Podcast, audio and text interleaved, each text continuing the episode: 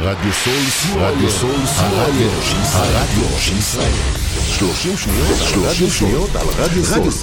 רדיו סול היא תחנת הרדיו האינטרנטית הגדולה בארץ, המשדרת 24 שעות ביממה, מונה 36 שדרנים, ועוברת בשם הוויזואלי.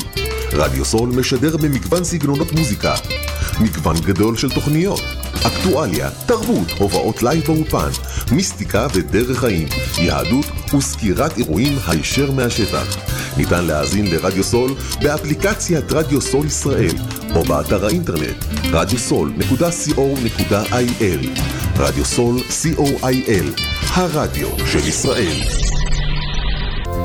עמותת קול נותן, המרכז לסיוע חברתי.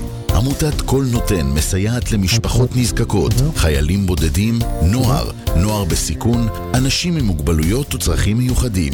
העמותה מקימה תוכניות סיוע והעשרה בתחום התקשורת והמוזיקה ומקרבת בין תרבויות במגזרים השונים. תרומתכם קטנה כגדולה, יכולה לסייע לאלפי אנשים. לתרומות חייגו עוד היום, 03 677 36 36 עמותת קול נותן, המרכז לסיוע חברתי. קול נותן, המרכז לסיוע חברתי.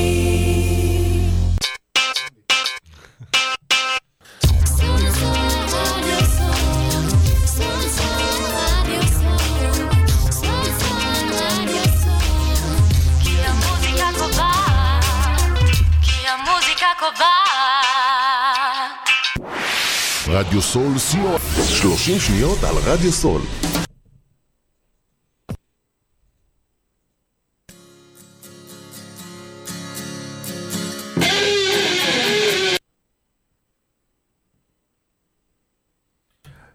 תוכנית אחרונה באולפן הזה לא יכולה להיפתח בלי uh, טיפה שידור, בלי תקלה, אבל אנחנו מיד נסדר את זה.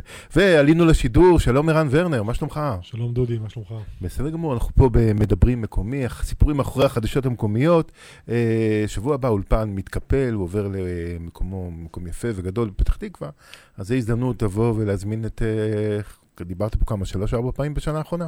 כן, אז קודם כל שיהיה בשעה טובה. כן, יהיה בשעה טובה, רק המיקרופון שיהיה מול הפנים, ככה ישמעו אותך יותר טוב. אז שיהיה בשעה טובה, תודה שהזמנת אותי. אוקיי. אה, יש לנו הרבה נושאים על מה לדבר. אנחנו נפתח עם אה, שיר ככה קצת לחמם את האווירה, אה, אבל באופן כללי, חודשיים עברו מאז פתיחת המלחמה. איך אתה עם זה? קשה. אני רואה את זה ככה, אתה יודע, משנת 2020 אנחנו כל שנה תופס אותנו איזשהו אתגר שהחיים לא הכינו אותנו אליהם. זה התחיל בקורונה ומשבר כלכלי, והפעם ממש משבר ביטחוני כמו שהמדינה הזאת היא לא ידעה. אה, כל אחד מאיתנו כנראה אה, קשור לזה בצורה כזאת או אחרת. אה, חברים שנרצחו, חברים שנחטפו. בהחלט מאתגר ולא פשוט, אבל אנחנו, אנחנו ננצח. אוקיי. אז נתחיל עם אה, יסמין מועלם יהיה טוב, ואז נתחיל לדבר.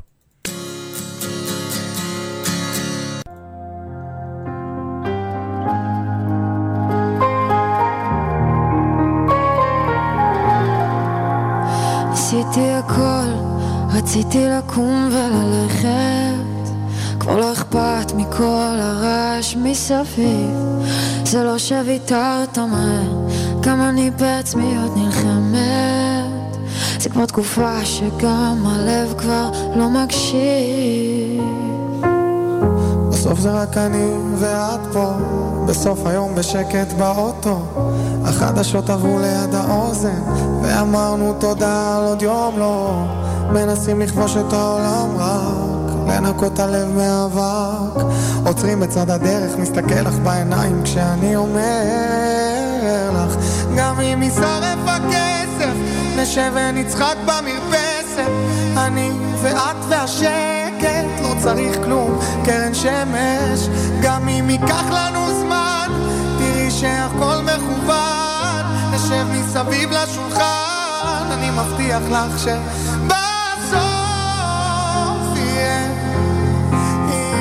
טוב. הפרחים ישובו לפרוח, תראי שיהיה טוב. יהיה טוב גם אם יש עוד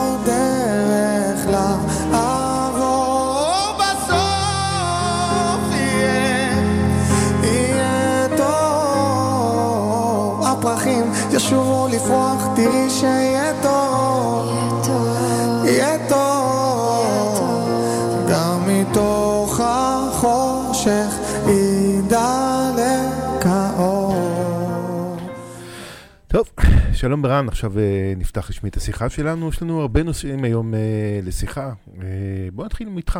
אתה תושב כפר סבא, בן בן 49. 49, או, ילד. גדלת ברעננה, איש הייטק, נכון? נכון. מה זה אומר הייטק? אני מסמר ופטיש, זה הטכנולוגיה שאני מכיר. אמ, אז אני חושב שהאמירה של הייטק היא בעיקר פחות בהכרח הכלים שאתה עובד איתם, אלא יותר התפיסה שאתה עובד איתה. תפיסה של חדשנות ושל יזמות, אה, ושל אה, לנסות אה, דברים, לפתור אתגרים שנראים כבלתי פתירים. אני חושב שזה מה שמאפיין את התעשייה הזאת, בין אם זה בתעשיית החומרה או בתעשיית התוכנה או כל כל, כל אתגר, אני חושב שזה זה הנרטיב של ההייטק. ואני חושב שזה גם המאפיין של ההייטק הישראלי. מה, זה מאפיין ישראלי לבוא ולמצוא פתרונות לב- לבעיות בלתי אפשריות? בשנים שאני נמצא, זה, זה לא מאפיין ישראלי, התעשיית ההייטק היא כמובן תעשייה חדשנית ומתאפיינת בזה בכל העולם, אבל השילוב של הרוח הישראלית, של, החו, של החדשנות, של, ה, של החוצפה, של המוכנות ככה לחשוב מחוץ לקופסה ו, ולהעיז, היא בהחלט יתרון אה, יחסי מובהק, מה שהופך את, ה, את המהנדס הישראלי ל... לאטרקטיבי ואת התעשייה בארץ לכזאת שאין שני לה כמעט בעולם, בטח לא ביחס לגודל האוכלוסייה. מה, מה למשל, תן דוגמה קונקרטית. עכשיו דיברתי סיסמאות. אה, יחידה במינה, לא, אני חושב, שה... אני חושב שהדוגמאות נמצאות uh, בכל מקום. עצם זה שסטודנטים שמגיעים ל... לאוניברסיטאות שלנו באים כבר, uh, באמצע, באמצע הלימודים שלהם כבר uh, הם יזמים, ובאים עם, uh, עם רעיונות, ובאים עם uh, ניסיון כבר מעשי, שבדרך כלל מגיע מהצבא. זה משהו שאין לו, אח ורע. לא... כמות החברות שמ- שמוקמות פה, אה, אה, וה- שכמובן חלקם אה, מצליחות וחלקם זה התנסויות שמתגלחים ולקראת אה, ניסיון שני ושלישי, והוא הוא המאפיין, הוא ה-DNA של, של התעשייה הזאת בסופו של דבר. כן, אבל אה, זה לא לפעמים קצת overdoing או מייצרים אה, אוויר? כאילו, רעיונות שהם, אוקיי, הם ישנו משהו, אבל לא מה ששינו את העולם. תמיד היה ככלל כזה שתשע מתוך עשר אה, פעמים אתה לא תצליח, וכל הת... אני יכול להגיד לך שכל תעשיית התוכנה היום השתנתה למודלים שבהם אה, הדבר הכי חשוב זה to fail quickly, זאת אומרת להיכשל כמה שיותר מהר, כדי שתוכל לנסות את, ה... את המיזם הבא. אה, אז כן, אז בהכרח יש הרבה מאוד אה, דברים שלא מצליחים, אבל הרוח של לנסות למצוא פתרונות ושל, אה, ושל אה, לא לפחד מיזמות היא זאת שמאפיינת את, את, את ההצלחה של התעשייה הזאת. ואגב, אנחנו נמצאים לדעתי היום באחת התקופות המרתקות מבחינת, גם מבחינת האתגרים וגם מבחינת ההזדמנויות שיש לה. אה, פריצת העולם של ה-AI זה כנראה אחד השינויים הטכנולוגיים שלא ראינו פה דורות. וקצב של ה... אני רוצה לדבר איתך על דור ראשון של ה-AI, קוראים לו גוגל. מכיר גוגל? מכיר, כן. יצא לי לעבוד אה, 12 שנה, 12 הוא שנה. אז גוגל זה בעצם ה-AI בשימוש המסיבי הראשון, כי בעצם אתה זורק שאלה, וגוגל מוצא לך תשובה, או כיוון, או, או משהו. זה משהו אולי בוסרי והתפתח עם השנים. והיום בעצם ה-AI, מה זה אומר ה-AI העתידי?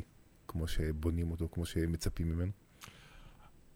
מה שזה אומר היום, הוא שונה לגמרי ממה שזה אומר אתמול. ואני חושב שמה שהכי מאפיין זה הקצב של הדברים. זאת אומרת, מי שעוקב אחרי ה... אה, אני חושב שככה איזושהי נקודת אה, פריצה שהייתה לפני כמה חודשים, מה שמוכר לציבור בעיקר היה סביב הנושא של אה, Generative AI, של יצירת אה, תוכן, בין אם זה באמצעות אה, מודלים גדולים של שפות, ובין אם זה באמצעות אה, אה, מודלים של יצירת אה, תמונות. אה, נראו כפריצת דרך אה, מטורפת, שהביאו לשימוש אה, מספר משתמשים במהירות הגדולה ביותר שאי פעם אה, תועדה מבחינת האדופשן של מוצרים. אבל הקצב השינוי הוא, הוא כל כך מטורף, שכשאתה שואל אותי את השאלה של מה, של מה משתנה, אז אני יכול להגיד לך שממש יום ביומו אתה רואה דברים מטורפים. אה, ו, ואנחנו לקראת תקופה מאוד מרתקת, שבה כמעט כל מה שחשבנו שאנחנו יודעים על מה מסוגל אה, מוח אנושי לייצר לעומת מה שמכונה יודעת לייצר, התפיסות האלה הולכות ומשתנות. אז בוא, אני אחבר אותך למציאות. עד אה, 7 באוקטובר ב-6 בבוקר, כולם חשבו שהטכנולוגיה שלנו, היא תמנע את הכל. הרי יש לנו אה, כיפת ברזל שיודעת לזהות אה, צינור באוויר ולפוצץ אותו במרחק של עשרות קילומטרים וגובה של אה, כמה קילומטרים. יש לנו אה, טכנולוגיות שיודעות לזהות תנועות ולראות ול... יש לנו אה, כלים שיודעים לזהות צפנים ולפענח אותם למחשבות אנושיות. יש לנו גדר שיורדת למטה, עולה למעלה, אני אפילו לא יודע מה היא מסוגלת לעשות. ואז באו מחשבה פשוטה, מחשבה ערבית הפשוטה, ואמרה, אוקיי, אז בוא נשתמש בכוח הישן כדי להתגבר על הכוח החדש. אה, בהחלט, זה, זה אתגר. הטכנולוגיה בסופו של דבר היא, היא כלי שמשמש אותנו ואי אפשר לזלזל בחשיבות שלו. אבל הקונספציה ש, שהחוכמה נמצאת רק, בידי, רק בידינו התגלתה כלא נכונה. ובהחלט זה מצער לראות שככה הרבה מה... כל העוצמה הזאתי ויצא לי, הזדמן לי לפני שבוע, סיפרתי לך קודם שהזדמן לי לפני שבוע לבקר בדרום, ב, בכפר עזה, וכשאתה נוסע בכבישי הדרום אתה רואה את העוצמה של צה"ל, ואתה רואה את ה... אה, באמת, העוצמה בלתי נתפסת. ויצא לי לבקר גם ב, בתוך אה, אזורים של, אה, שבהם מתנהלת לחימה, ואתה רואה את הטכנולוגיה גם היום בשדה הקרב.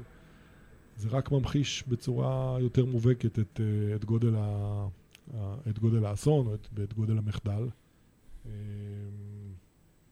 בהחלט אה, אבל- קושי. אוקיי, בוא, בוא, בוא נרחיב את זה קצת, לחיי היומיום שלנו, לניהול החיים ה... כי אם, כמו שאתה אומר, אנחנו לא מסוגלים אפילו להבין מה, מה המכונה, נקרא לזה המכונה לצורך השיחה, מסוגלת לייצר מבחינת אה, אה, הפקת לקחים, למידה, עשייה עצמאית, איפה זה שם אותנו כבני אדם? זה שם אותנו במקום שהוא אה, הוא יכול לקחת אותנו למקומות של מכפילי כוח. אה, משימות שהיו בעבר אה, משימות חיים, מקצועות נרכשים, פתאום יכולים להיעשות בצורה הרבה יותר מהירה, בצורה הרבה יותר ממוקדת, וה, והממשק בין האדם למכונה ילך וישתנה. דברים שהתפקידים, מה שנקרא תחומי האחריות או הגדרת הגבולות ביניהם, אה, פשוט יעוצבו מחדש, וזה קורה כל יום. מה למשל, תן דוגמה, למשל, החל ממשימות פשוטות, כשאתה נדרש אה, לכתוב דברים, אז היום אתה יכול לעשות את זה בעשירית מהזמן ובאיכות יותר טובה. אה, וכנ"ל בעלי מקצוע, אה, אומנ- אומנים, אה, שרטטים, אדריכלים, כל, כמעט בכל מקצוע התחום יהפוך להיות אה, ממוכן יותר. אה, יפנה אולי מקום ליצירתיות אה, ולהכוונה של הגורם האנושי. ולהרבה עבודה טכנית של המכונה או המכונות, זאת אומרת, המכונות יעשו את העבודה הטכנית, אבל ישאיר עדיין מקום לחשיבה האנושית? שגם היא תשתנה ותוגדר מחדש. אוקיי. כי זה בדיוק התחום הזה, שבו החשיבה מתחילה, המכונה מתחילה לחשוב. ואתה לא מפחד מזה? אני חושב שזה מרתק. זה מרתק, זה, זה, זה חדש, זה בעיקר לא נודע, וזה משתנה מרגע לרגע. הילדים שלך, בני כמה ילדים שלך? הגדולים, קטנים. אה, 9, 11 ו-13, והם אה, חוזים עכשיו באחת המהפכות. גם לנו יצא לראות אה, מהפכות טכנולוגיות.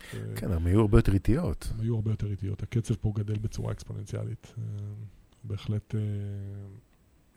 אה, אבל אני חושב שלא צריך לפחד מטכנולוגיה, להפך, צריך אה, לראות בה כהזדמנות, ובסופו של דבר אה, האנושות תחליט לאן לקחת את זה.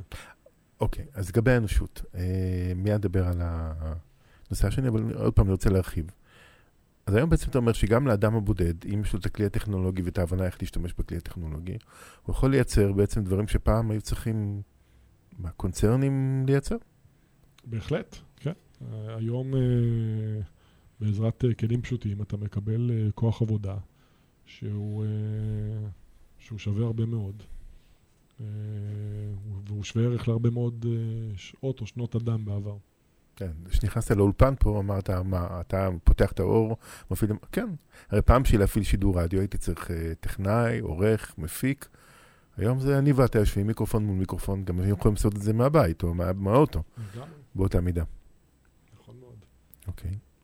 אז מה התחזית שלך לעתיד? אופטימית? אה, יהיה לילדים שלנו עבודה, יהיה להם איפה לחיות, יהיה איפה... יהיה להם עבודה, אבל היא תהיה שונה לגמרי מה- מהמקצועות שאנחנו מכירים.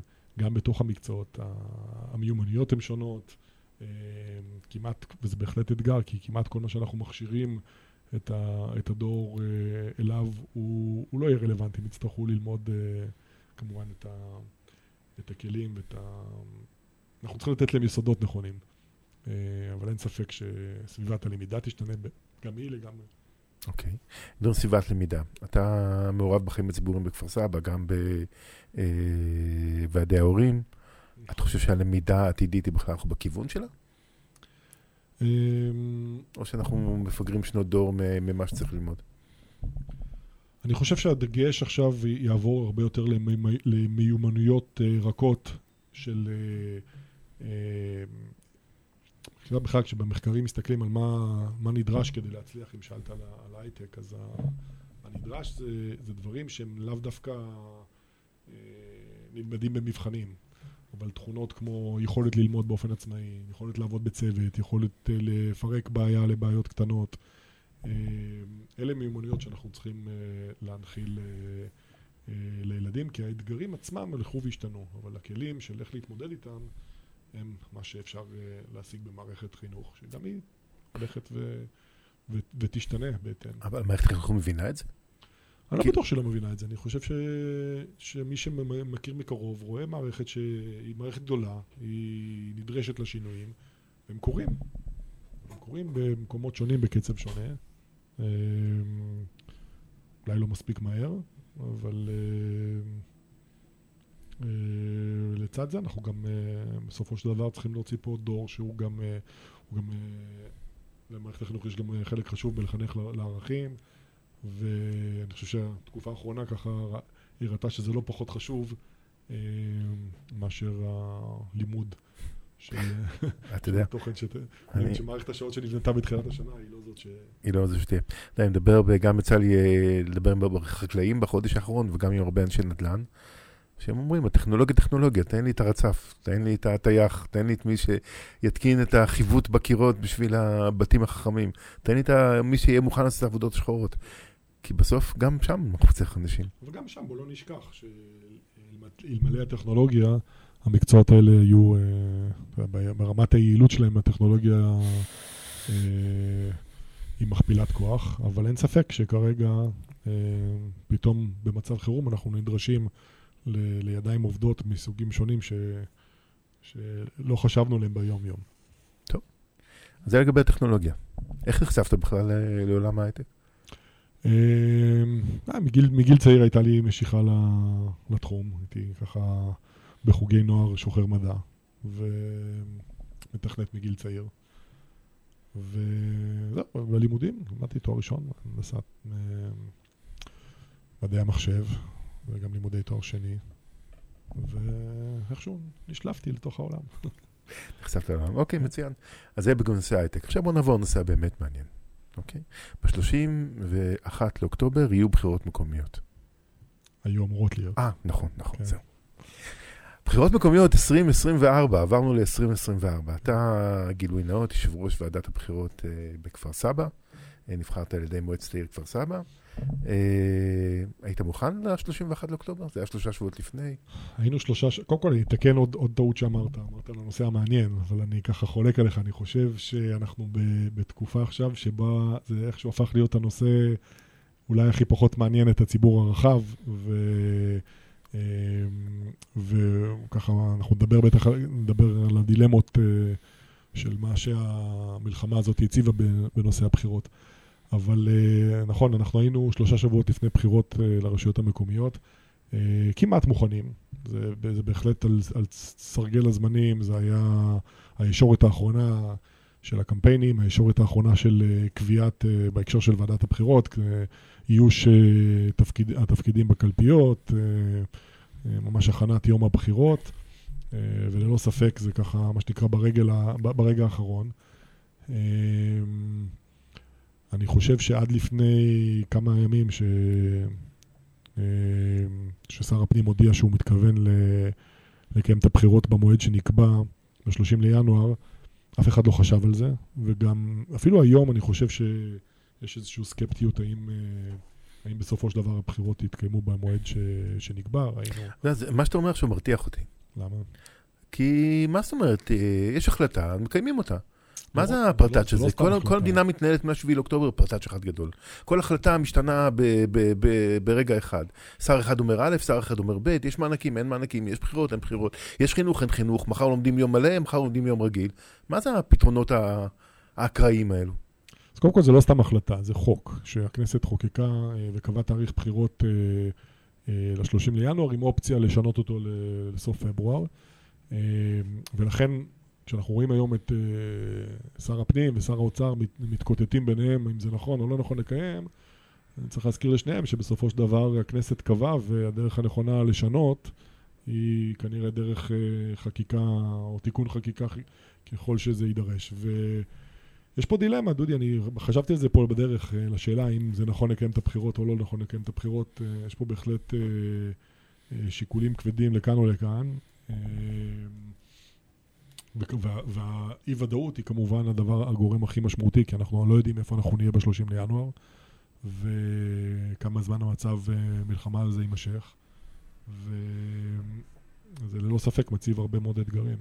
תראה, אז בואו נבטל את הבחירות, למה צריך בחירות? בואו נעשה מכרז, ניקח איזה ועדת מומחים או איזה AI, כמו שקראת לזה קודם, שיבחר את ראש העיר הבא, מה אני צריך בחירות? מה המון מבין?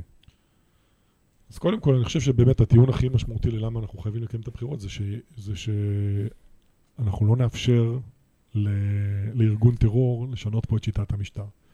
ובישראל יש דמוקרטיה. הוא, הוא הפך את המדינה, מה זה כבר שיטת משטר לעומת הפך את המדינה? אבל אנחנו במשבר שאנחנו נצא ממנו, ואין ספק שבתוך אה, מספר שבועות אה, יחזור פה הביטחון לתושבי ישראל. ויחד עם זה צריך גם לחזור לקיים את אה, סדרי השלטון וביניהם לצאת לבחירות. אמ, הבחירות, אם אנחנו מחליטים לא לשנות את שיטת המשטר, אז הבחירות הן נדרשות, הן נדרשות כדי לקיים אה, ניהול עיר תקין, כדי לאשר תקציבים. בוא, בוא, בוא נלך על זה עד הסוף, בוא נלך על הטיעון הזה עד הסוף, בסדר? צפיתי בישיבות מועצה בארבע שנים האחרונות, קצת יותר באדיקות, ברעננה, בהרצליה, בכפר סבא, בהוד השרון. רעש, מהומה, ויכוחים, מהות, כמעט כלום. יכול להיות, אבל ראית גם, ב, גם בערים שציינת, יש פערים גדולים, כי יש לך למשל את אה, רעננה שבה היום בהרכב הנוכחי של המועצה ראש העיר לא, לא יכול להעביר שום החלטה משמעותית לעיר, לא יכול לאשר תקציב, לא יכול... אה, אה, הוא כבול ב, בסופו של דבר, אתה יודע, אם לא יהיו בחירות, אז יהיה תקציב שהוא העתק מתקציב שנה קודמת, אה, מה שנקרא 1 חלקי 12. אה, יש רשויות שבהן אה, יש קואליציה רחבה וראש העיר בעצם אה, גם ללא בחירות יכול להמשיך לנהל את, העיר, וברוב המקרים אנחנו כבר, מה שנקרא, רגע לפני בחירות, מה שאומר שקשה, קשה עד, עד בלתי אפשרי לנהל לאורך זמן עיר בצורה כזאת. אז, אז כן, הבחירות הן בהחלט, הן בהחלט נדרשות. וזה רק בפרספקטיבה של, של ניו עיר, אני לא מדבר כרגע על, גם על המועמדים שהסתמכו על הבחירות האלה. בוא, בוא נדבר על זה, בוא נדבר קודם כל על שוויוניות, אוקיי? הרי בעקרון השוויוניות, כל אחד צריך להיות אה, עם אותה הזדמנות לגשת, גם להצביע, גם להתמודד, גם לנהל קמפיין. בהרצליה למשל, יריב פישר, מועמד לראשות העיר, נמצא במילואים מתחילת המלחמה. כן. אומרים לו, אוקיי, אז נשחרר אותך. אבל הוא אומר, אבל יש תפקיד. אז גם ישחררו אותו, איזה יתרון יש לו מול אה, מתחרה מול ראש העיר, שכבר חודשיים מנהל קמפיין, כמו כל ראשי הערים, שמנהלים קמפיין מאוד מאוד מאוד אה, בוטה בלי להגיד אני מנהל קמפיין. כולם פתחו לעצמם חמ"לים, כולם פתחו לעצמם כיתות כוננות, כולם פתחו לעצמם, הסתובבו עם אקדח בתחת, וכולם מלכים. מה, איפה עקרון השוויוניות פה? אז, אז קודם כל, לפני שאני אענה לך, אני, אני, אני חוזר רגע לטיעון ש, של, של ההסתמכות. אנשים גם אה, מועמדים כבר היו בשלהי הקמפיין שלהם, הוציאו הרבה מאוד כסף. על הכסף נדבר עוד מעט, נדבר בשוויוניות ואז נדבר על הכסף. לגבי השוויוניות, אה, תראה, אה, כששר הפנים שלח מכתב לראש אכ"א בדרישה לשחרר את כל משרתי המילואים שהם מועמדים ל- לרשויות או, ל- או, ל- או, או, או כחברי מועצה, זה העביר בי איזושהי צמרמורת. מה, מה המסר? שבחירות יותר חשוב ממלחמה? אז, אז ללא ספק, ככה, כמו שאמרתי בתחילת הדברים, אנחנו, האחים שלנו נרצחו, יש לנו 140 חטופים, אנחנו בלחימה, יש הרוגים כל יום, לאף אחד אין קשב בציבור הרחב לנושא הזה של הבחירות, ובכל זאת צריך לקיים אותם. הסדר יום שלנו השתנה לחלוטין, מה שהיה נתפס כנושא אקוטי בקמפיינים של לפני השביעי אתה זוכר מה היה בשישי לאוקטובר הפחד הכי גדול? הפרדה מגדרית למחרת. כן, בדיוק. אז, אה, כן. אז נושאים שהיו אקוטיים והופיעו בשלטי חוצות הפכו להיות, נדחקו לשוליים ולא מעניינים אה, אף אחד. ומה שהפך להיות מעניין זה הביטחון האישי והיציבות, ולכן אני גם לא מאמין שראשי הערים שדיברת עליהם, שהקימו כיתות אה, כוננות חמ"לים ואקדחים בכיס, עשו את זה רק כחלק מהקמפיין. אני חושב שבסופו של דבר זה נדרש אה, באמת אה, לטובת התושבים של הערים שלהם. אה, אני לא אומר שזה לא נטול פוליטיקה ולא נטול יחצנות, אבל זה קודם כל בראש ובראשונה מתוך, אה, מתוך אה, לקיחת חלק אה, בניהול מצב החירום הזה. אה, ולשאלה שלך, אני חוזר לשאלה שלך לגבי המתמודדים ש... שמגויסים ולא יכולים להתמודד. יש פה קושי אמיתי. יש פה מועמד. לראשות עיריית טבריה, הוא אומר, אני לא מתכונן לעזוב את היחידה שלי, הוא סגן אלוף בצבא או משהו כזה. הוא נמצא בעזה, הוא אומר, מה אתם רוצים ממני? עכשיו אני אעזוב את החיילים שלי כדי ללכת נכון. להתמודד פוליטיקה? אז או שאני אוותר על מועמדות, נכון. ולכן הציפייה הייתה. שהבחירות יערכו עם שוך הקרבות. בשש אחרי. שש אחרי, רק שאנחנו לא יודעים מתי זה יהיה. ואם אנחנו לא נשים את ה... אם לא, אם לא נקבע את זה, אז אנחנו יכולים למצוא את עצמנו באיזשהו מדרון חלקלק שהולך ומתארך, שמוכתב על ידי אה, חמאס. אה, ולכן זה קושי, זה קושי. אני אומר לך ששוב, אין לי עמדה ברורה לגבי הדבר. הדבר האופטימלי היה לסיים את ה... כמו שנקבע לגבי הרשויות של היישובים המפונים, שלקיים את הבחירות אה, 150 יום אחרי שהם יחזרו, אז היה צריך להיות איזשהו מפתח גם פה של אה, זה. אבל אנחנו לא יודעים ל... ל... מה יהיה משך הלחימה, אה, ובאיזה עצימות, ובאיזה... אה, ברור שיהיו פה, יהיו פה אה, כוחות מילואים מגויסים לתקופות ארוכות, כנראה באיזשהו סבבים. אה, אז, אה, אז זה אתגר. זה, זה בהחלט אתגר. אני יכול להגיד לך אתגרים נוספים שיש. אה, שכששוחחתי עם מנהל הבחירות אה, לפני ימים אחדים, ככה כשהתחבר שזה כנראה המועד הסופי בינתיים, אה, מסתבר שגם לאייש אה, את הקלפיות זה אתגר לא קטן. אנחנו בכל, בכל עיר, אני יכול להגיד לך שבכפר סבא יש 140 קלפיות, אנחנו מדברים על מעל 300 אה, מזכירי אה, קלפי. אה, זו אוכלוסייה שרובה צעירה, חלקים גדולים ממנה במילואים. וגם פה ל- להכשיר מחדש, לגייס מחדש, להדריך מחדש, לשבץ מחדש. זו משימה לוגיסטית לא פשוטה לקיים אותה בשמונה שבועות. זה גורם לי בכלל לחשוב, אם אנחנו חוזרים רגע לנושא של הטכנולוגיה, של איך זה שב-2023 אנחנו עדיין נדרשים למאמץ אה, של כל כך הרבה אנשים. חשבתי על השאלה שלך, יש לי תשובה גם, אבל תמשיך לשאול. כן, איך, איך, אה, איך זה שאנחנו לא יכולים לנצל את הטכנולוגיה, להפוך את הבחירות למשהו יותר מקוון. אה, כי אנחנו לא סומכים על, על אף אחד. לא סומכים על זה שעומד מאחורי הקוד, שורת קוד, שלא יושב, שאני רוצה לספור את הפתקים, אני רוצה לראות את הפתקים. אני רוצה לספור אותם, אני רוצה שאם אני מערער, שיראו לי את הערימה שלי, את הערימה שלו, לראות איזה ערימה יותר גבוהה. אין פה אמון מינימלי.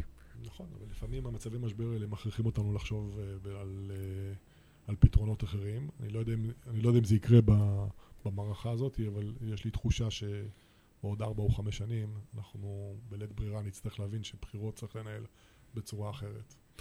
אוקיי, דיברתי קודם בנושא של הכסף. אז מי שלא יודע, בחירות מקומיות, אמנם המועמדים מוצאים הרבה כסף, אבל הם בונים על זה שרוב הכסף יחזור אליהם מהמדינה. יש מפתח של uh, כמה כסף לכל תושב, בכל בעל זכות בחירה, זה מתרגם לכמות מנדטים שהם מקבלים, או לכמות uh, מצביעים שהם מקבלים. והרבה מועמדים לקחו הלוואות על חשבון, או שהסתמכו על כספים של מפלגות, ופתאום כשדחו את הבחירות, גם אה, מועד קבלת הכסף אה, נדחתה. זה דבר ראשון. דבר שני, המדינה אומרת, תקשיבו חברים, כל יום שנלחמים בעזה זה כמו כל הבחירות שלכם, תעזבו את באמא שלכם. ה-350 מיליון שקל, כן, רק שזה מהכיס שלהם וזה מהכיס של המדינה. אז זה- אה, המדינה אומרת להם, תתמודדו, לא הבטחתי לכם אה, בחירות בזמן הזה. אבל, אה, ויש לזה פן נוסף. נו. יש לנו לא מעט מתמודדים שעזבו מקומות עבודה. בין אם כי הם עובדי, עבדו בשירות ציבורי ונדרשו לקחת תקופת צינון, או כי הם פשוט לקחו חופש כדי לנהל את, ה, את אה, מסע הבחירות שלהם. אז זה לא רק ההוצאה הכספית אה, של הקמפיינים, זה גם אה, אובדן הכנסה שנובע מהיערכות לבחירות. וזה מעלה את השאלה, אתה יודע, נבחרי ציבור היום ברשויות המקומיות לא מקבלים שכר למעט ראשי ערים וסגניהם. אה, הם עושים את זה בהתנדבות, ובמקרה הזה תוך הוצאה אה, כספית לא מבוטלת, שכמו שאמרת, היא מסתמכת על, אה, על אה, מימון הבחירות שמגיע ביום שאחרי. והשינוי הזה הוא בהחלט אה, יביא, יביא לידי כך שהרבה מאוד כסף נשפך פה לריק. אז בוא נבטל את הבחירות, אבל יש עוד משהו ששכחת לגבי הכסף. לא יודע אם ידעת, שהכפילו את כמות, ה... את כמות הכסף שניתן לגייס כתרומות. עד היום היה מותר 5,000 שקל, ועכשיו הכפילו את זה ל-10,000 שקל. האמת שלא ידעתי, אוקיי. אבל אני לא חושב שזה מקור המימון העיקרי של אף אחד מה... אז בוא, נגיד לך, אני כבר יודע על אה, כמה אנשים שהכפילו את כמות התרומות שלהם מאז ההודעה על הבחירות החדשות. גם פה הוגנות אה, נפגעת. אה, בכלל אפשר לדבר על הנושא הזה של, אה, של גיוס תרומות. היכולת להסתמך על תרומות, מלכתחילה המגבלה נועדה לדאוג לכך שכל, ש, שיש שוויוניות בזכות להיבחר. אז אה, אני לא חושב שיש הבדל מאוד משמעותי אם זה מ-5,000 או 10,000 שקל, אבל אה, המנגנון שבו המדינה מממנת את, את הבחירות על סמך אה, תוצאות הבחירות הוא כזה שנועד לכאורה להבטיח אה, אה, זכות שוויונית ל- לכל אחד להתמודד. ובמשולב עם תקרת ההוצאה, שגם ככה אנחנו יודעים ש-70% מהרשימות בארץ לא עומדות בה, אבל בדרך כלל מקבלים אה, איזושהי מכה קטנה בכנף, איזו הערה ממבקר המדינה ו... וקנס אה, כספי קטן, ובכל זאת מקיימים את החריגה מה... מהמגבלות האלה. אוקיי. אז בוא תן לי עמדה. הבחירות צריכות להתקיים ב-31 לאוקטובר, או בינואר או לא? ב-31. תראה, אין לי עמדה. ברורה לגבי ה-31 בינואר או, או ה-27 בפברואר. אה, אני חושב שהבחירות צריכות להתקיים במועד הקרוב האפשרי, שבו ניתן יהיה לקיים אותם ללא פגיעה משמעותית ב, ב, ב, בהתמודדויות ובמתמודדים. אני חושב שמה שלא נבחר פה, אנחנו נראה, אני חושב שאתה בשיחה שלנו הגדרת את זה נכון, אנחנו נראה אה, בחירות נכות, שבהן אה, לא כל המועמדים קיבלו הזדמנות שווה. Uh, הציבור עצמו לא באמת uh, פנוי וקשוב ל- להתעסק בסוגיות ה- העיקריות, ו... אבל בסופו של דבר, כבר אמרו את זה לא פעם, שדמוקרטיה זה כנראה הרע במיעוטו ביחס לשיטות האחרות. אז אני אגיד לך מה דעתי, היא קצת אה, קיצונית. עמדה אחת אומרת, תעשו את הבחירות כמה שיותר מהר, תיפטרו מזה, תדעו מראש שזה בחירות נכות, כל ראש עיר שייבחר, ייבחר עם איזשהו אה, חטוטרת על הגב, נבחרתי בבחירות נכות. אופציה אחת, שיהיה מועדפת בעיניי. אופציה שנייה, להגיד שנה קדימה. לא חודשיים, לא שלושה, לא נדבר בפברואר, נראה מה קורה. שנה קדימה. דיברנו על אוקטובר 23, אוקטובר 24. אוקטובר 24 עושים בחירות, כל ראש עיר יקבל קדנציה של שנה, כל המועצות או יפוזרו, או מי שלא יהיה לו רוב, ועושים את זה בצורה הכי הוגנת שאפשר, אבל שנה קדימה. כי המצב כרגע הוא, גם, גם הוויכוחים האלה בין שר הפנים לשר האוצר, על זה אתם מתווכחים עכשיו? אני לגמרי מסכים איתך, שאם זה לא יהיה ממש בקרוב, זה צריך להידחות בלפחות שנה. ו... ויש לזה עוד סיבה, כי המנגנון שמצאו עכשיו הוא מנגנון שלא פותח את הרשימות ולא פותח את, אה, את אה, פנקס הבוחרים. ופתאום יש לך כבר אוכלוסייה שהגיעה לגיל 17 וזכאית לבחור, והיא לא נכללת בפנקס הבוחרים. או, או מתמודדים חדשים שהגיעו לגיל 21, או שמהנסיבות שהשתנו רוצים אה, לממש את הזכות שלהם להתמודד, וכרגע זה איזשהו מצ- מצב כלאיים כזה שבו הבחירות נדחות, אבל אתה לא יכול להתמודד, או אתה לא יכול לבחור. אז אם לא עושים את זה מהר, אה, צריך לדחות את זה באופן כזה שיאפשר גם הגשה מחדש של הרשימות ועדכון כמובן של פנקס הבוחרים. ולהתחיל מחדש, אבל קח בחשבון, כמו שאמרנו קודם, זה אומר שהרבה מאוד כסף אה, והרבה מאוד מאמצים ירדו פה לטמיון. אספר לך כמה כסף אנשים איבדו בחודשיים האחרונים? אתה צודק. בכל ענף שאפשרי. אספר לך על עסקים שלמים שהם לא יודעים איך יראו את העתיד שלהם, עסקים יציבים, בטוחים. אתה לגמרי צודק, רק שכאן יש הסתמכות על התחייבות של המדינה, וזה אומר שהמדינה תצטרך לשפות. אה, אה, ביבי אמר יש כסף, לא? אנחנו עכשיו הולכים לזירה של אה, האם להאמין לה. אוקיי, בסדר. אז זה נושא הבחירות. זה נושא הבחירות. אוקיי, מצוין. בוא נדבר על נושא אחר שמתכתב עם נושא הבחירות, נושא של כלכלה מקומית.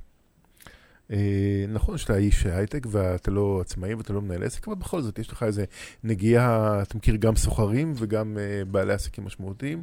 אתה גדלת ברעננה, אה, סיפרת לי בשיחה המוקדמת שלנו על רחוב המסגר, רחוב התעשייה ברעננה, שבאמת היו פעם רחוב של מסגרים ועוסקים בתעשייה זהירה.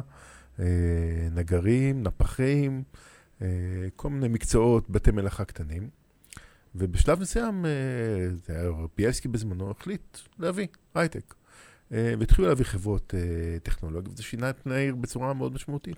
שינה קודם כל את אה, פני אזור התעשייה, שהפך להיות מאזור של אה, אה, מוסכים ו- וסדנאות אה, אה, רכב ומתכת לאזור תעשייה של, אה, אה, של משרדים ומסעדות, ו- אה, ו- ובהחלט שינה גם את פני העיר, כי זה הביא אוכלוסייה, אה, הביא אוכלוסייה חזקה. לי סיפור קטן. דיברתי עם אה, אשת ציבור בהרצליה שהלכה לקנות מכונית, והיא לא קונה פיאט. היא קונה מכונית מהמכוניות שהיו רק באזור המסגר אה, פעם, מכונית יוקרה פלוס פלוס, והפקקים נמאסו עליה כל פעם, כל שנה היא צריכה להחליף רכב, כל שנה לנסוע לרחוב מסגר, והחליטה להביא סוכנות רכב יוקרתית אחת להרצליה, איכשהו שידלה את בעל הסוכנות, ומאז בהרצליה יש שורה של סוכניות של רכבים, אה, בוא נגיד ככה, הישראלי הממוצע יכול רק לחלום עליהם. כן, אחד הביא את השני. אחד הביא את השני. אז אתה אומר, כאילו, זה בר- נכון אגב גם, גם בהקשר של תעשיית הייטק, אה, כשאתה מביא, כשאתה מייצר אזור תעשייה, אתה מייצר אה, הזדמנות תעסוקה, אתה מייצר הזדמנות ור- ורצון לבוא לגור בקרבת המקום. אה, ובהחלט אה, אני חושב שהמודל של מה שקרה ברעננה הוא מודל שכל עיר רוצה לחקות אותו. אה, היא מסוגלת לחקות אותו? זה כאילו בר שליטה? אז אתה יודע, זה, זה תלוי בנכסים של העיר. אני חושב שהערים, ב- אני מסתכל על כפר סבא כדוגמה, זו עיר מצוינת מבחינת פוטנציאל, מבחינת גישה לצירי תנועה, לתחנות רכבת, לאוכלוסייה, מבחינת העוגנים שיש. אה, אז כן, אז אני חושב שזה... אתה שואל, את, אם השאלה שלך הייתה לגבי האם עיר צריכה לנהל כלכלה בצורה הזאת, אז בוודאי. אני חושב שזו אחת המשימות הכי מאתגרות שיש ל... ל- להנהלת עיר זה להביא את, אה, לפתח את אזורי התעסוקה. אני אגיד לך מה הבעיה שלי עם זה. זה נכון, אבל זה קצת מתנהל כסיסמאות. כי כל ראש עיר וכל מועמד יזרוק במצעים שלו, אני רוצה לפתח. אני... בסוף זה בעלי ההון. מחליטים לפי הקרבה של העובדים, לפי נגישות, לפי הטבות כאלה ואחרות שהם מקבלים, לפי, הטבות זה המפתח פה. לפי ואני- פופולריות, אה, כאילו, איפה בא לי יותר. הרצליה פיתוח יש הרבה מסעדות, בכפר סבא, בטיר ידע, יש שם חומוסייה אולי. נכון, אז אנחנו, זה כמובן, זה, זה, זה מה שנקרא תוכניות ארוכות טווח, שצריך אה, חזון וצריך אה, אה, מסירות אה, אין קץ, ואני חושב שסיפרתי לך פעם על אה, פגישה שבה הייתי, שמנכ"לית עיריית כפר סבא הקודמת, היום אה, ראש אה, המועצה של דרום השרון, אה, אה, שאלה מי יכול לחבר אותי עם, אה, עם, עם האיש באמדוקס שאחראי על אה, בחירת המ- המקום. אה, ומה שנקרא, התאבדו על, אה, על לנסות להביא אותם לעיר, הצליחו, זה אחר כך בוטל בעקבות אה, התנגדות של, אה, של תושבי השכונה הירוקה ל... התושבים האלה, לך, עיר בלי תושבים זה הדבר הכי נוח שאפשר. אבל, אבל, אבל, ה... ה... מה שנקרא הנחישות של, אה, של לפתח את האזורי התעסוקה היא יכולה להיות קריטית לגבי החוסן הכלכלי של העיר. כן, ואז נכנס נושא המטרו לדוגמה, שזה כלי מספר אחד, תחבורה היא, היא מפתח לפיתוח, ואז כל רביעים, הקו יעבור פה, הוא יעבור שם, התחנה תעבור 100 מטר לכאן, 100 מטר לשם. הדיפו יהיה פה, יהיה שם, ואז מה שקורה, המדינה אומרת, תעזבו אותי באמא שלכם, לא צריך. זה בהחלט אה, אה, סוגיה עצובה, מה שנקרא, עבור העיר שלנו ועבור רעננה. אה, אבל עוד לא נאמרה המילה האחרונה שם, אני מניח. אה, אף פעם לא נאמרת מילה אחרונה אף פעם, כמו בחירות שצריכות להנהל בעוד שמונה שבועות, כן, פחות. משמונה שבועות, ובינתיים אה, לא נאמרה המילה האחרונה. נכון. יש איזו תקווה, היה יפתור לנו את כל הדין? אתה יודע, זה כמו בלוח טיסות, זה לא סופי. לא סופי. אוקיי, בסדר. אה, אוקיי, אז מיד נעבור למרואיין הבא, אני אתן קצת רקע עליו. הוא יהיה בטלפון, בנג'י לבנטל, עורך דין בנג'י לבנטל מרעננה, אה, בן 48, והוא כבר נמצא במילואים אפוד קסדה, אה, סליחה, לא קוראים לזה אפוד, הם קוראים לזה וסט, שאני אדייק. אני כבר זקן, זה כמו שבתקופתי אומרים חגור, ואמרתי, מה חגור? אפוד. אז אומרים וסט ולא, ולא אפוד. הוא נמצא אי שם בצפון, אה, ומיד נתקשר אליו, נראה אם הוא יעלה לשידור, יספר לנו איך זה לנתק את החיים ביום אחד. דיברנו על הייטק, דיברנו על AI, דיברנו על הרבה דברים, ולפעמים גם אתה מתמרח בגריז ו... ו... נחזור לגיל 18. נחזור לגיל 18, נכון. אז אני חושב שנשאיר ומיד נעבור לבנג'י. משיח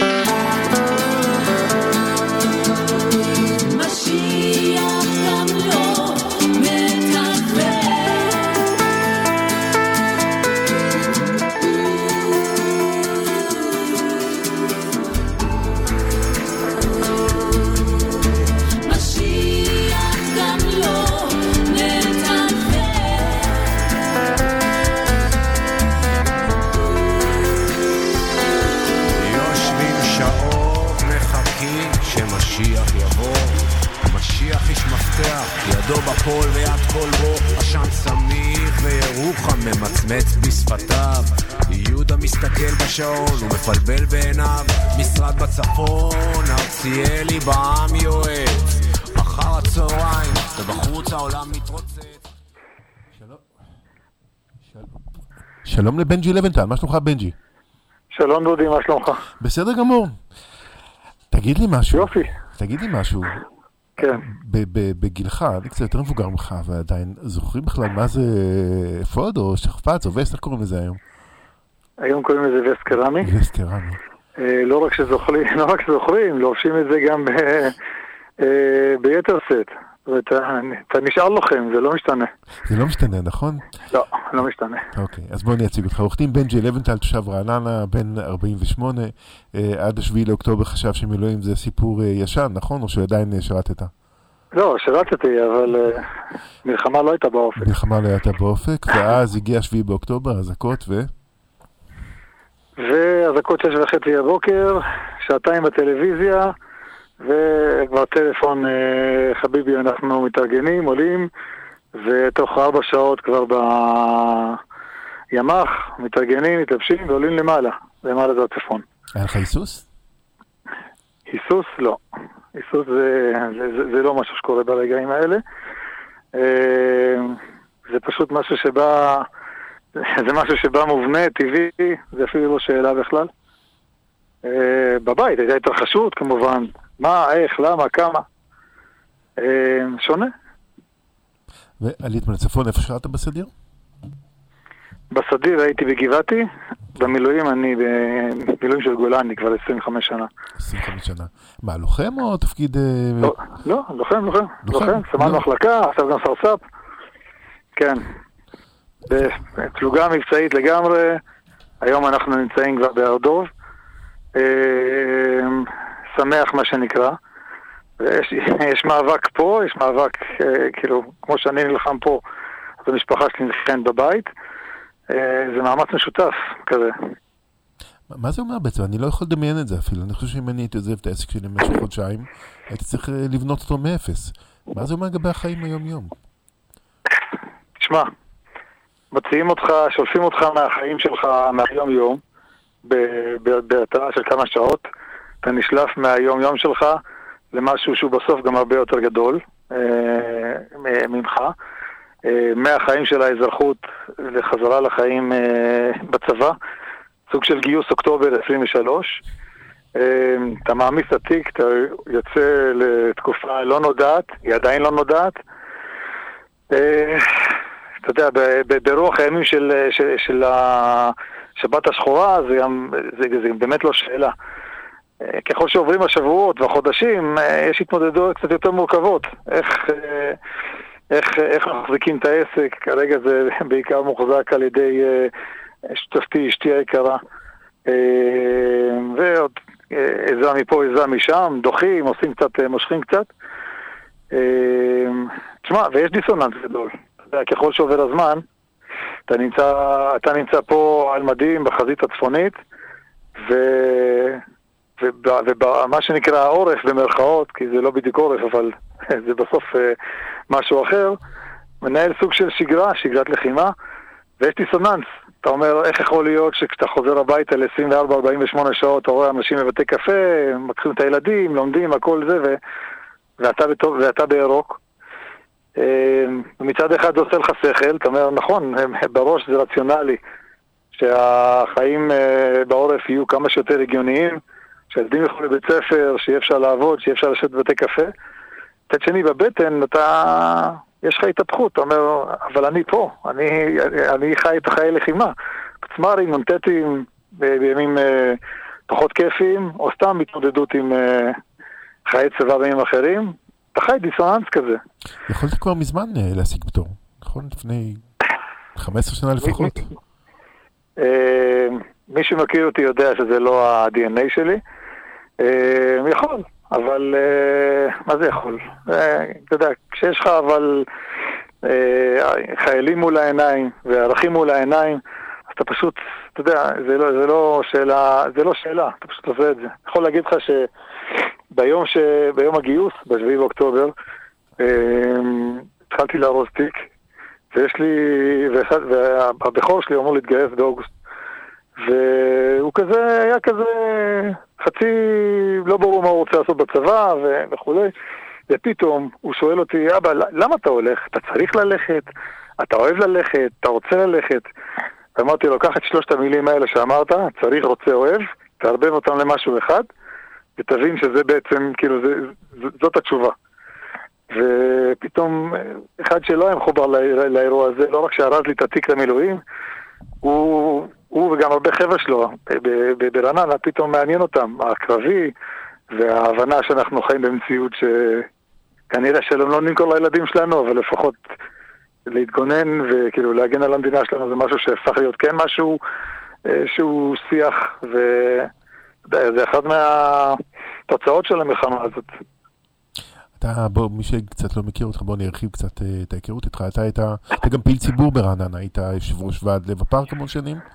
הייתי יושב ראש לב הפארק אה, חמש שנים, אני סגן יושב ראש הנהגת הורים העירונית, אה, יושב ראש הנהגת הורים של בית ספר רימון, בכלל אה, מעורב חברתית וכל מיני כאלה דברים, בשיא ענווה אני אומר, כי זה, אתה יודע, זה פשוט דברים של עשייה, אני לא, פחות מעניין אותי הטייטלים, אבל פשוט, אה, כן, עסוקים בעשייה היומי- היומיומית, בקהילה, אה, בדברים האלה, אה, בעיר.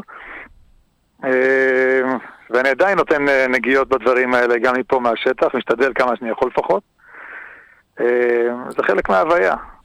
יותר קשה מפה כמובן, אבל אה, כאילו יותר קשה לתפעל את זה מפה, אבל אה, כן. תראה, כל, כל מי שהיה חירניק, ואני הייתי חירניק, אה, אתה, אתה ביום כזה, אתה אומר, אני רוצה ללכת לשם. Uh, אתה מתרגל פזצות ו- ואישור מקורב בתוך ה...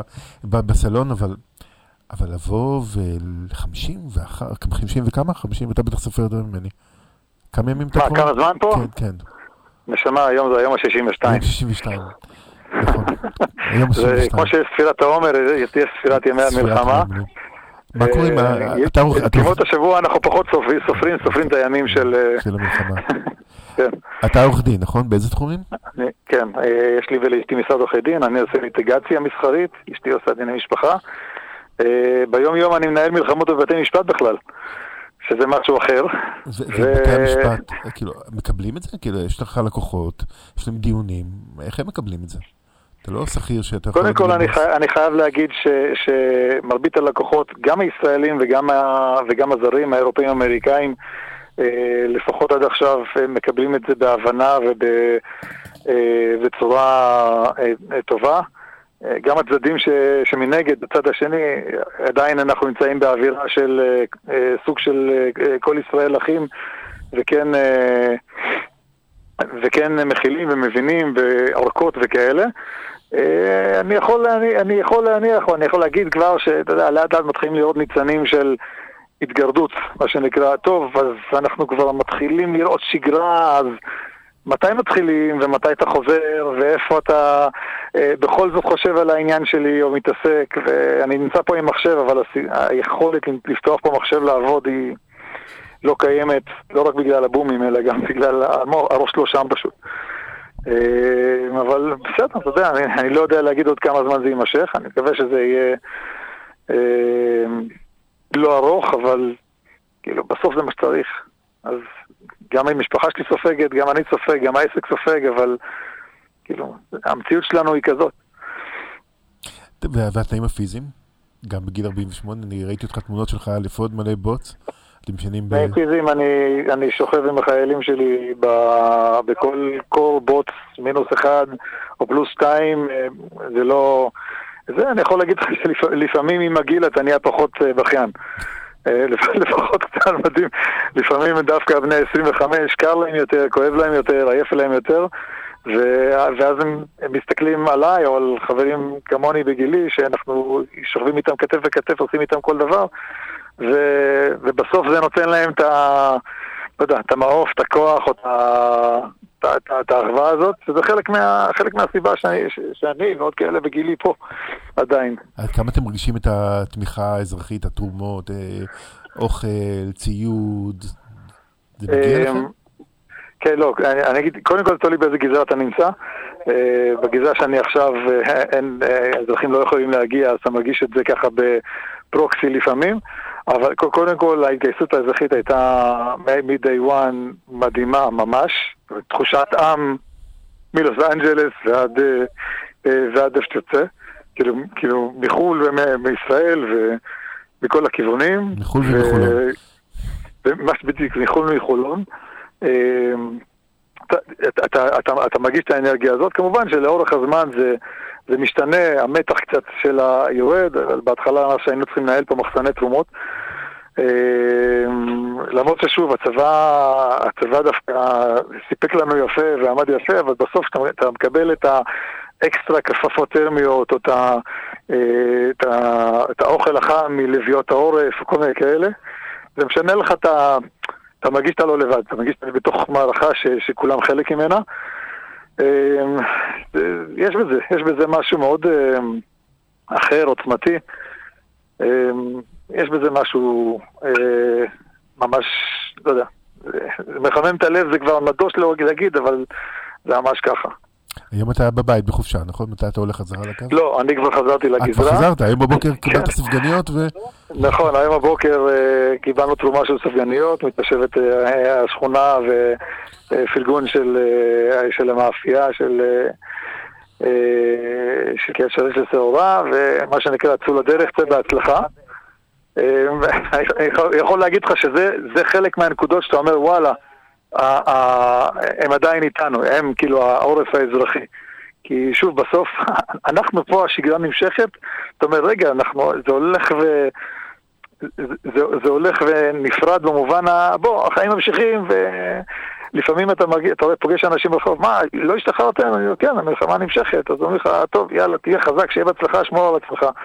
שזה מילים שכאילו אין להם מה להגיד מעבר לזה. אבל אז מישהו, אתה יודע, עוד תרומה ועוד אה, תמיכה ועוד... אה, אה, מישהו ש, ש, ש, שעוזר בשכונה, עוזר בבית, עושים איזשהו אה, אה, פינוק בעורף, זה גם טוב. אז אתה יודע, בסוף אתה מנסה, מנסה לראות את זה בעיניים הכי, הכי קולניות שיש. כי שוב, הדיסוננס הזה הוא ממש קשה, במיוחד אחרי חודשיים.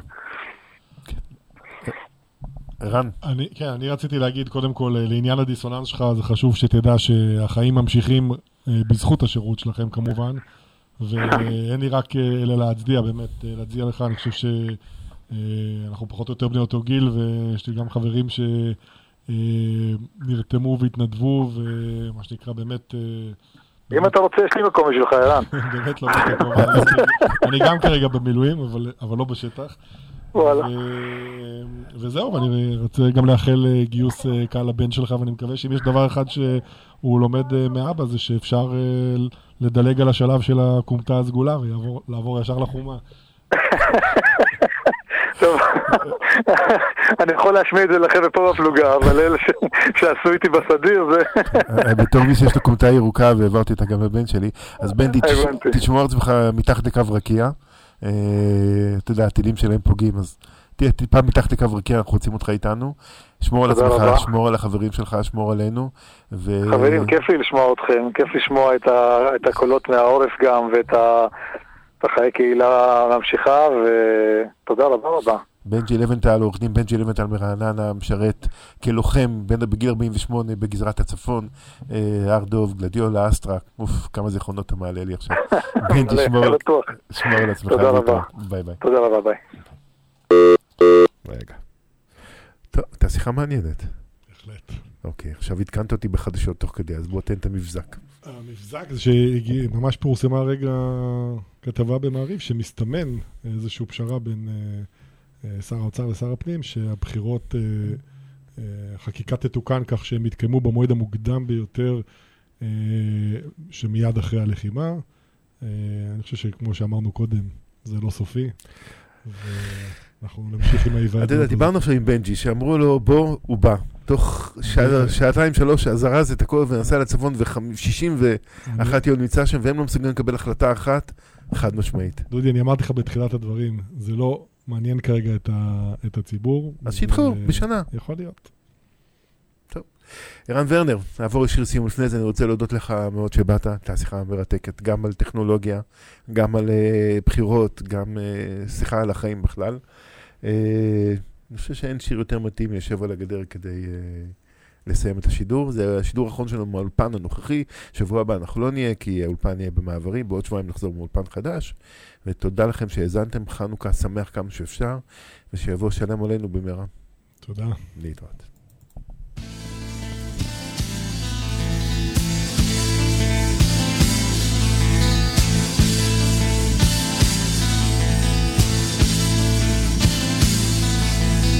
יושב על הגדר,